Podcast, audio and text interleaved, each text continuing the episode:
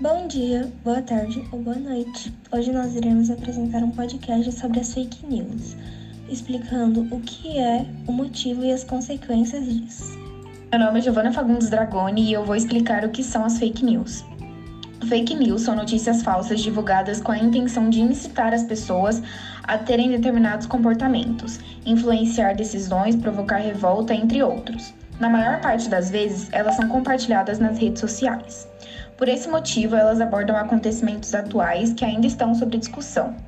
Assim, quem lê esse tipo de notícia é levado a acreditar no que está escrito nela, principalmente se a notícia trata de um tema favorável às crenças do leitor, ou ainda se não tem uma posição formada acerca de determinado assunto.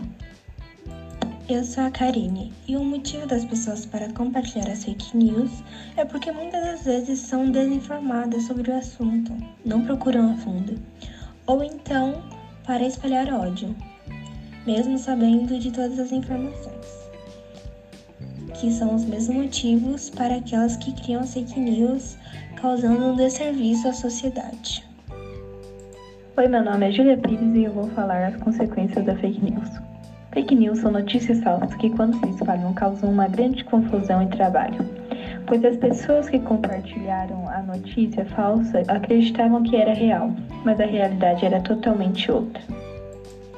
E esse foi nosso podcast sobre as informações das fake news. Muito obrigada por ouvir e lembre-se, não compactue com essas atitudes.